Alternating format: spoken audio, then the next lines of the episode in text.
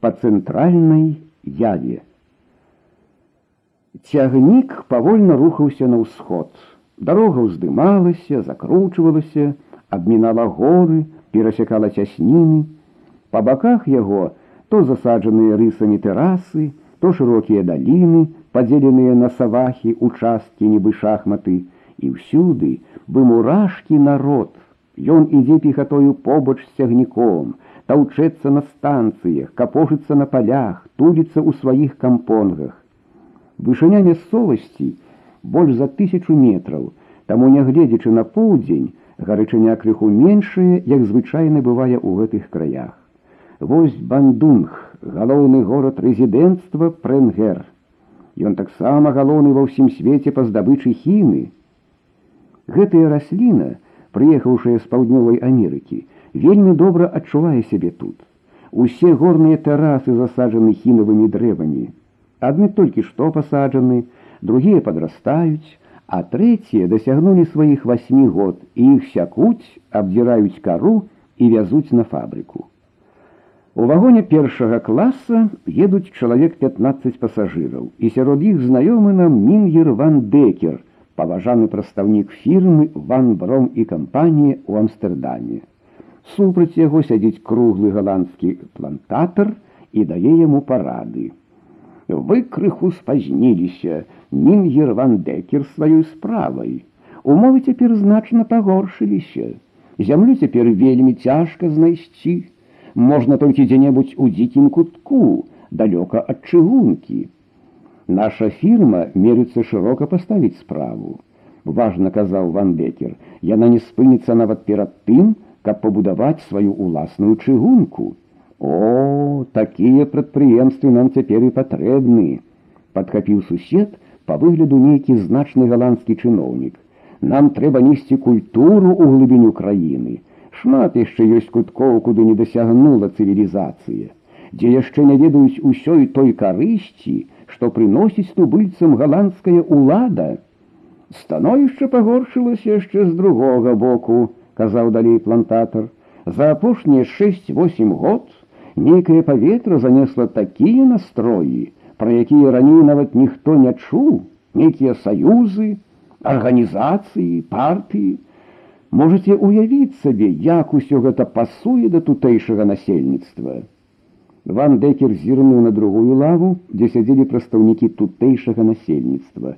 Маладая прыгожая яванка у шаўковым саронгу і чалавек, убраны як дасканалы еўрапеец, ды толькі босы. Яны гутарылі паміж сабой па-галандску. Плантатар заўважыў погляд Декера, усміхнуўся і сказаў: « Не бойцеся, не пра такіх ідзе гутарка, гэта вышэйшы культурны клас. Яны самі разумеюць усё тое, пра што я кажу.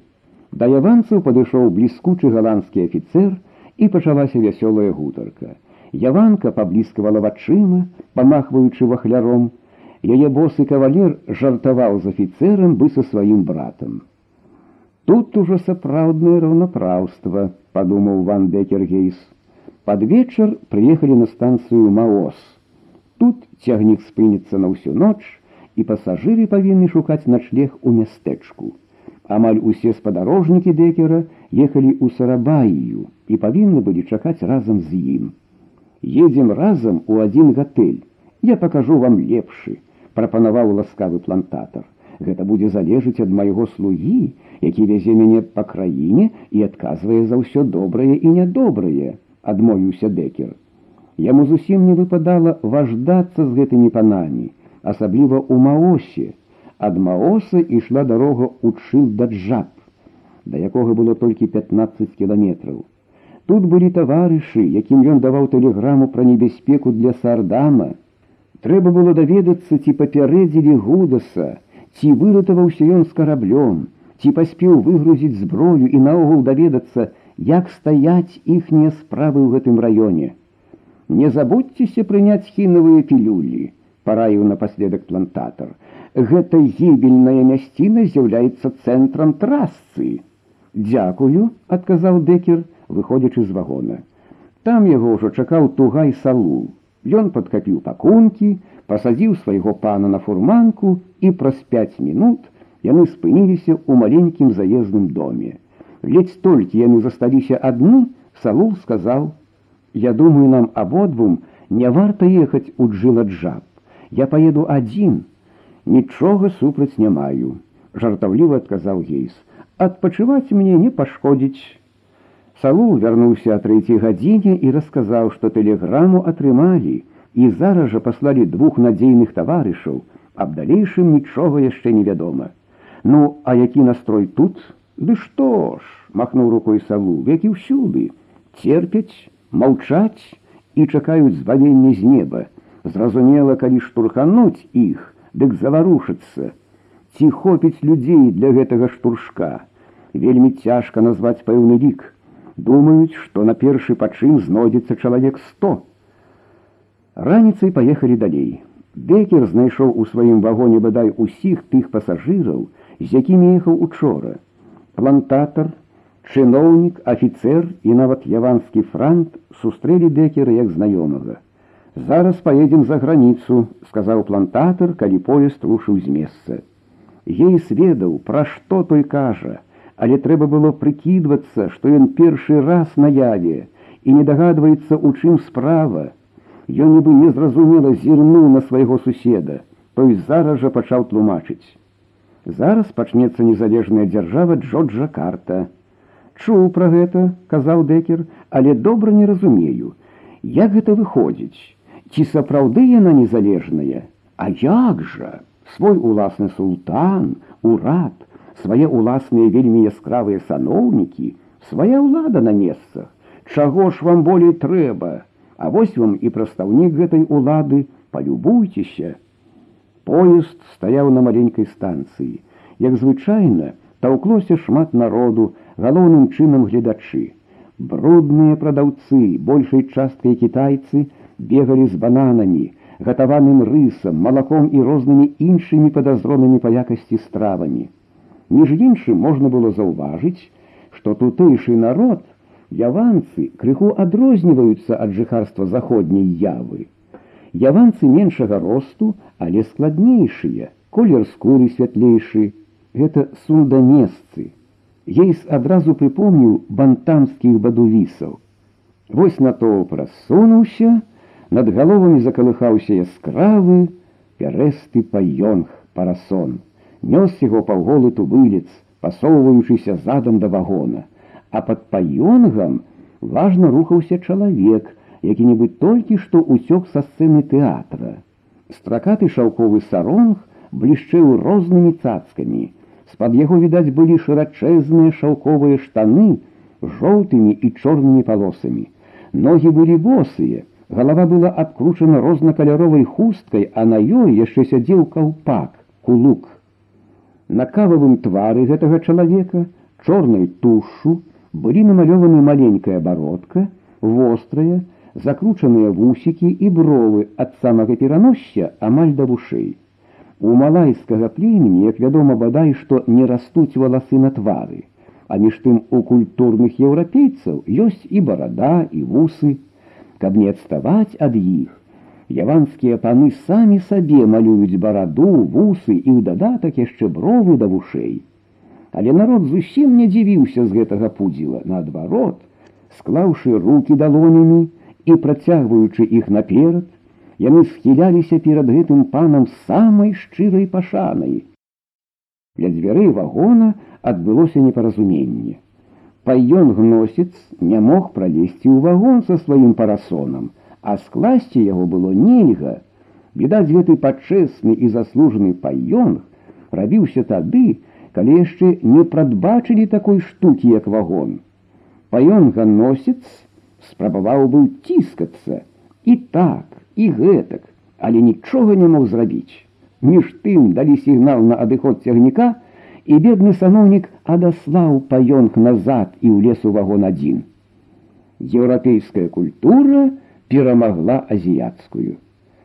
Гэта які-небудзь адзіпаці ці паці, казаў тым часам паслужлівы плантатар, шмат у іх розных чыноў, Кожны мае свае адзнакі спецыяльнага колеру паёнг, у адносінах паміж сабой яны строга прытрымліваюцца старажытных цырымоній. Нават мова у розных выпадках ужываецца рознае. З вышэйшымі такі адзіпаці гаворыць на адной мове, з ніжэйшымі на другой, а з роўнымі на трэцяй. Саноны пудзіла увайшоў у вагон. Усе пасажыры, у тым ліку і галандцы, з пашанай пасунуліся, каб даць яму лепшае месца. Але, як я бачу, вы і самі шануеце іх, заўважыў дэкер. Плантатар паціскаў плячыма.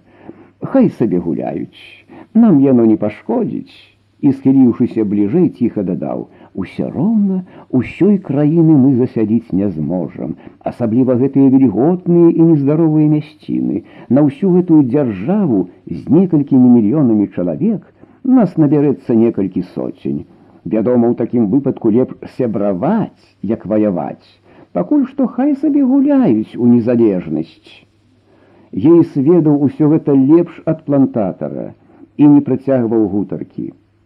Мясцовасць была балоцістая, звяртала на сабе ўвагу вялікая колькасць палёў, засаджаных цукровым трысцём і шмат комінаў цукровых заводаў, але і сярод агульнай беднаты усяго яванскага народа Гэта краіна вызначалася сваёй беднасцю. Прычына вельмі простая. Тут, апроч галандцаў, смакталі сокі яшчэ незалежны султан і ўсе яго паці ды адзіпаці. А поўдні пад'ехалі да д'ёкі сталіцы Джоджа карты. Гарадок хаваўся ў зеляніне, сярод якой вызначаўся кратон, палац султана абнесены сцяною. Гэта цэлы горад з войскам, садамі, звярынцам, слугамі, разам 15 тысяч чалавек. Жыццё тут ідзе таксама, як і сотні гадоў назад, таксама як і раней, султан з'яўляецца Богам для свайго народа. Толькі ёсць маленькі нязначны дадатак. Збоку стаіць дом і крэпасць малодшага брата галандскага рэзідэнта. Адтуль высоўваюцца гарматы акурат на кратон. Дзякуючы гэтаму, між султанам і малодшым братам заўсёды пануе згода. Малодшы брат вельмі шануе старэйшага, а старэйшы уважліва слухае парады малодшага. У дыёкі выйшлі некалькі пасажыраў, у тым ліку і паважаны адзіпаці. Поезд крануўся далей. А цяперака паедзем у другую, яшчэ болей магутную незалежную дзяржаву, суракарту, сказаў плантатор.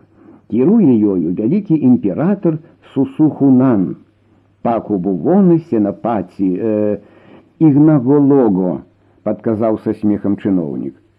Нгабдур, дадаў офіцер, так так, інгагалоган габдур і рахман, здаецца, тужыўся плантатор. І яшчэ сайдын пантагамо, скончыў босы джентльмен. Ну скажыце, ці невялікі сусухан, звярнуўся плантатар да дэкера павінен прызнацца што больш вялікага імя я не чуў у сваім жыцці адказаў дэкер усе ў вагоне засмяяліся Нават не заўважылі як апынуліся ў другой дзяржаве і тут таксама як і ў джорджа карце адчувалася большая беднасць як у іншых месцах явы але разам з тым заўважаліся адзнакі мінулай культуры Відаць былі руіны даўнейшых храмаў і часам каменны ідал на полі. У 15 стагоддзі тут было вялікае матарамскае царство. Станцыя сола, абвясціў кандуктор. Гэта і быў галоўны горад суракарты. Дэкер сабраў свае рэчы, развітаўся сваімі выпадковымі знаёмымі і выйшаў з вагона. Станцыя маленькая, запушчаная, брудная, мітусіцца і шуміць розны абарваны і голы люд. Няма ўжо галандскай чыстаты і парадку, але для гейса салулам гэта было нават прыемней, прынамсі лягчэй быць непрыкметным у гэтым дзікім натоўпе. Вуліцы вузкія, заваленыя смеццем і гноем, дамы і халупы дрэнныя, дзіравыя. На вуліцах, на рынку, на плошчы, між дамоў, нібы чэрві капохацца людзі. Толькі нанач хаваюцца яны ў свае шчыліны, а ў дзень усё дамавое жыццё адбываецца пад адкрытым небам. Не відаць ні магазінаў, ні майстэрняў, бо няма каму прадаваць і рабіць рэчаў. Жывуць усе гэтыя людзі толькі бананамі ды жненію рысу, што каштуе танней таннага. Але далей, як належыць, ёсць панскі квартал. Ейс і салу выехалі на вялікую плошчу, вакол якой стаяць два гатэлі, галандская кірха, клуб, магазины і дамы галандцаў. Сюды ж падыходзіць і сцяна імператарскага кратона, а насупраць яго, як і ў Джорджа карце крэпасць малодшага брата. На плошчы ім трапілася ўрачыстая працэсія, якая накіроўвалася ад палацу ў рэзідэнтаў кратон. Павольна, сур'ёзна, па два ўрад, рухалася некалькі дзясяткаў чалавек у разнакаляровых каўпаках з рыбінага пузыра, у яскравых саронагах і шараварах, з крывымі крысамі за спіною, у паднятых над галавой руках яны неслі залатыя і срэбныя блюды, міскі з накрыўкамі.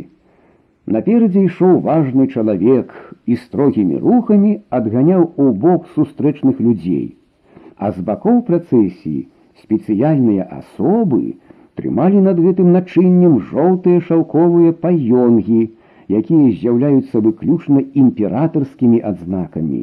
Наогул па гэтых паёнгах наяве можна пазнаць стан чалавека, бо кожнаму чыну належыць паёнг спецыяльнага колеру. Абед сусуху нану нясуць, прамовіў фурман, паказваючы на працэсію. Гэты звычай мае сваю цікавую гісторыю які ў кожным добрым царскім палацы у суракарце таксама бываюць інтрыгі, змовы, забойствы. І вось калісьці аднаго такога імператара блізкія людзі атруцілі. Наступнік, баючыся такога самага лёсу, попрасіў у рэзідэнта, каб ён дазволіў гатаваць стравы ў рэзідэнцкай кухні. Рэзідэнт ахвотна згадзіўся, і з таго часу усе сусухунаны гатуюць страву ў рэзідэнта. Самі галандцы гэтага жадалі, хоць і кухонная, а ўсё ж такі палітыка, усё такі народ бачыць, што іхні цар просіць ласкі ў галандцаў. Праз некалькі крокаў ля аднаго дома ўбачылі звычайнага па-еўрапейску убранага галандца, над якім таксама паёнга носіць нёс парасон. Тут ужо і ейс здзівіўся, глянь, які адзіпаці знайшоўся, звярнуўся ён да салула. Ды тут яны ўсе так робяць, адказаў той. Чым жа яны горшыя ад тутэйшых паноў. Сама ўлада размеркавала паміж іх паёнкі адпаведна чыну і стану кожнага. Прыехалі ў гатэль. Калі ласка, дайце мне такі пакой, каб побач быў другі пакойчык для майго слугі, сказаў ей з гаспадару сухарляваму рухляваму галандцу. Ці доўга будзеце ў нас? Некалькі тыдняў, але часта буду адсутнічаць па некалькі дзён, бо мае справы патрабуюць выезду з гораду. Дарэчы, можа і вы, як тутэйшы ведаеце, у якім раёне лягчэй будзе заарандаваць зямлі пад плантацыі для вялікай галандскай фірмы. Вашы паслугі не застануцца без узнагароды. Пастараюся, пастараюся, шаноўны пане, яшчэ ласкавей замітусіўся гаспадар. Под вечар ейс выйшаў на вуліцу. За некалькі крокаў ад яго пакорна ішоў яго слуга і нёс панскае паліто. Недалёка ад гатэля яны спыніліся ля адных дзвярэй, над якімі была шыльда, школа. Азірнуўшыся, яны ўвайшлі ў гэтыя дзверы. Настаўнік Яванец пандо быў свой чалавек і служыў галоўным звяном для сувязі ў падпольнай рабоце. З вялікай радасцю сустрэў ён гасцей, адвёў іх у далейшы пакоі, пазачыняў усе дзверы і вокны і, вярнуўшыся да таварышаў, пачаў распытвацца, як стаяць справы.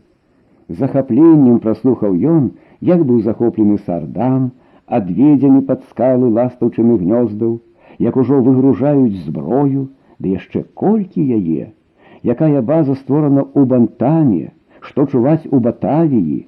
Ну цяпер раскажы, што ў вас тут робіцца скончыў салу. Мы можем разлічваць, адказаў пандо на чалавек 400 актыўных арганізаваных таварышаў, якія складуць касцяк паўстання. Яны павядуць за сабой тысячи людзей. Каля паловы гэтых таварышаў камуністы, лозунг на сённяшні дзень свабода і незалежнасць радзімы. Под гэтым лозунгам і сам сусухунан можа пайсці, усміхнуўся гейс. Не ведаю, як сусухунан, сказаў панда, а яго саноўнік радан Бого з'яўляецца нашим саюзнікам. Ён, відаць, улічыў напружанае становішча наяве і хоча сам стаць тут на чале вызвольнага руху, каб аднавіць ранейшую матарамскую імперыю, дзе феадалы маглі б эксплуатаваць народ самастойна без галандцаў.